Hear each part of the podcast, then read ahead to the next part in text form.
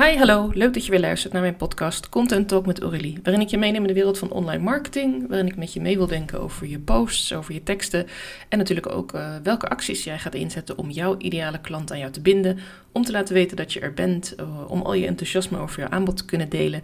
En uh, dat enthousiasme kunnen jouw klanten natuurlijk ook over jou delen. En dat is gelijk een heel mooi bruggetje naar het onderwerp van vandaag, namelijk creatief met reviews of feedback of ja, hoe je het ook wil noemen, mensen die iets achterlaten via Google, mensen die een mailtje sturen omdat je een review hebt gevraagd. Uh, en allerlei andere mogelijkheden om, uh, om de bestaande klanten, mensen die enthousiast over je zijn, misschien ook je business buddy, te, jou te laten helpen eigenlijk. Want wat kun je zoal doen om ondernemers te steunen? Wat kun jij vragen aan jouw klanten? het zijn gewoon even wat ideetjes. Als je een keer met mij over verder wil sparren en wilt kijken hoe dat in jouw business is, want misschien is het wat lastiger omdat jij veel achter de schermen werkt voor mensen en dat het niet altijd even makkelijk is om dat naar voren te trekken. Ook dan heb ik ideetjes voor je. Dus stuur me gerust even een e-mail of een DM. De info staat in de show notes. Dan ga ik nu gauw verder met een aantal tips. Je kunt natuurlijk gewoon een review vragen aan iemand. Je hebt een mooi traject gehad, uh, iemand heeft iets bij je aangekocht. Uh, je ziet het ook bij webwinkels. Ik heb iets gekocht uh, bij een van de grote warenhuizen en dan krijg ik een mailtje of ik dat dan wil reviewen of ik daar sterren aan wil geven. Je hebt misschien een maaltijd thuis bezorgd gehad, dan krijg je altijd nog, hey, hoe was de bezorging en hoe was het eten? en daar staan ook altijd van die vakjes in van dingen die je dan kunt invullen, want mensen zijn over het algemeen een beetje lui. Die gaan niet uit zichzelf zitten bedenken van, nou als we het even hebben over de thuisgebrachte maaltijd, die pizza, die, uh, ja, was hij wel warm genoeg toen hij aankwam? Uh, was de bezorger vriendelijk? Uh, weet ik veel, maakte hij heel veel herrie? Of ik kan even niet zoveel dingen bedenken die, ja, zie je, ik heb al moeite met een review schrijven over een pizza die ik zou bestellen. Um, vandaar dat we dus van die vakjes hebben van hoe servicegericht was het, hoe was het eten, was het warm, was het op tijd, et cetera. En dan hoef je alleen maar even aan te klikken. En dat gemak maakt ook dat meer mensen zo'n review gaan invullen.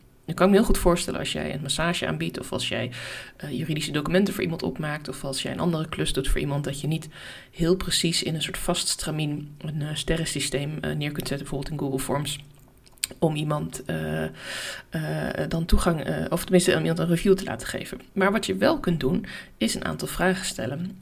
hoe, was je, hoe stond je ervoor voordat je met mij deze behandeling inging? Of hoe had je dit gedaan zonder mijn advies? Of hoe was de situatie voordat je met mij aan de slag ging? Het ligt natuurlijk helemaal aan wat voor dienst of wat voor product je levert. Maar ik denk dat je wel creatief kunt zijn in dat er een soort voor jouw product of dienst is en daarna. Dan kun je nog iets vragen over hoe was de samenwerking met mij of uh, hoe vond je dat ik wat ik heb opgeleverd was. Uh, het ligt natuurlijk ook weer aan net wat, uh, wat hetgeen is wat diegene bij jou heeft gekocht. Maar ook daarin kun je een beetje spelen met de woorden.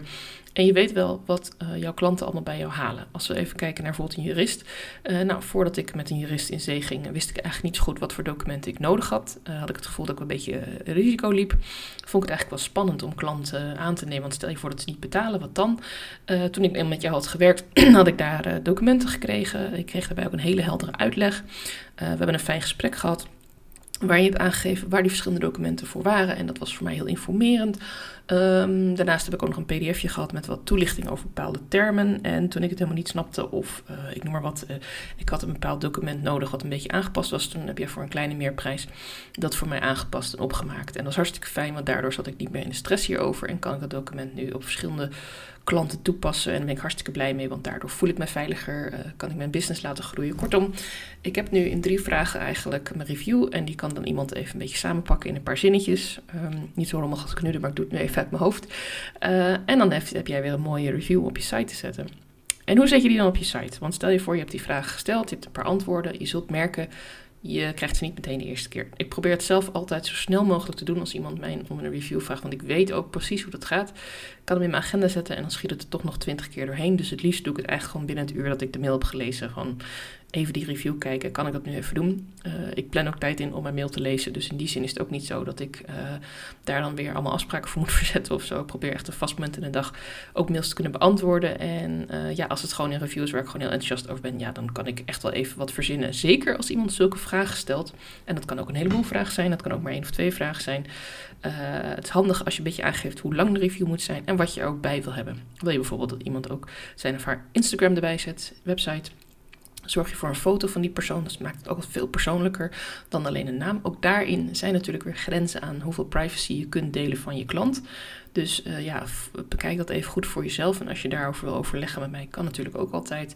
Vind ik alleen maar leuk om met je mee te denken. Nu heb je dus die review gekregen. Wat ga je er dan mee doen? Je kunt hem op je site zetten. Uh, bijvoorbeeld op je salespagina, uh, dat je een aantal punten hebt genoemd uh, van waarom dit aanbod helemaal fantastisch is voor jouw klant. En dan noem je anderen zeggen dit over mij, of dit zeggen andere klanten, of dit zijn mijn eerdere ervaringen met klanten. En dan laat je er bijvoorbeeld twee of drie langskomen. Dat kan in een carousel, dat kan naast elkaar, dat kan onder elkaar. Dat ligt eigenlijk helemaal aan hoe jij het wilt presenteren. Let erop dat heel veel mensen op hun mobiel een site bekijken. Dus zorg ervoor dat die wel mobile friendly is. heb je een webbouwer, dan kun je dat daar natuurlijk mee afstemmen. Doe je het allemaal zelf, test dan even regelmatig even op je eigen mobiel. Kan ik alles goed lezen? Valt de foto niet heel groot ineens in beeld of heel klein?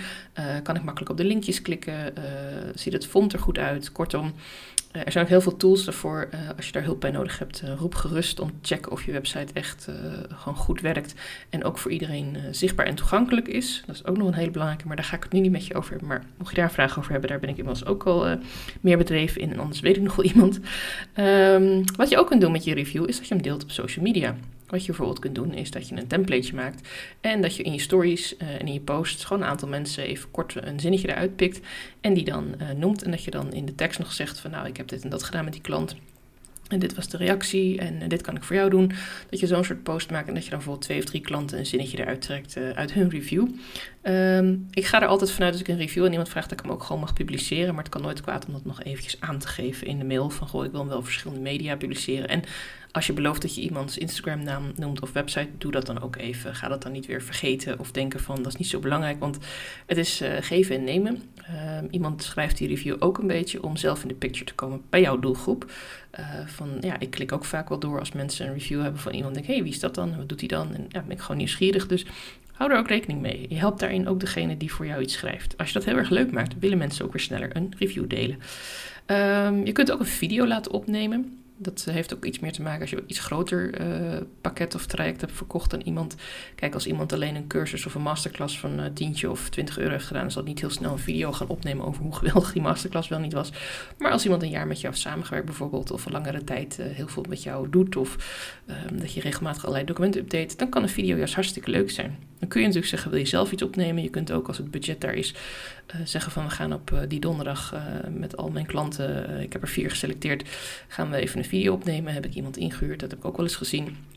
Had iemand een workshop georganiseerd en daar dan die klanten ook uitgenodigd. En dan gezorgd dat er dan iemand was die, die met videoopnames korte interviews nam. En dat waren dan ook de reviews. En die kwamen ook steeds weer terug. Er werden ook wat foto's uitgehaald. Dus het was echt een fantastische manier om ja, creatief om te gaan met de steun van je eigen klanten.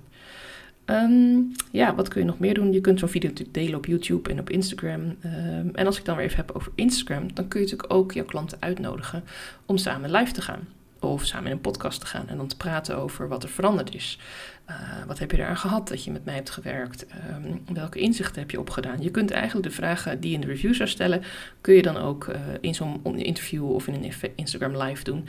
En natuurlijk moet het dan wel zo zijn dat je dat van tevoren met elkaar hebt afgestemd. En dat diegene ook het gevoel van ja, ik haal hier ook wat uit, want ik kan ook wat vertellen over mijn eigen business. Ik ben nu gegroeid, uh, ik doe dit en dat. Dus laat het niet alleen maar over jezelf gaan. Nou, ik heb nu een aantal dingetjes genoemd die je kunt doen om andere ondernemers te steunen, die jou ook weer kunnen steunen. Heb je hier vragen over? Heb je zelf een idee? Kom je er niet helemaal uit? Of denk je van ja, klinkt hem hartstikke leuk, maar waar begin ik dan? Stuur me gewoon even een berichtje. Dan kijk even mee wat bij jou past. Misschien een mooie Pick My Brain sessie, waarin we samen even gaan zitten, twee keer een uur met dat tijd ertussen. En dat ik dan echt met je mee ga kijken van hé, hey, welke stappen mag je nu nemen? Uh, waar sta je nu met je strategie? Uh, wat kun je doen met de reviews die je al hebt? Of welke kun je nog vragen? En hoe kun je die dan vervolgens gebruiken ook in jouw eigen business? Je weet me te vinden en anders staan de details in mijn show notes. Ik dank je voor het luisteren en graag tot mijn volgende podcast.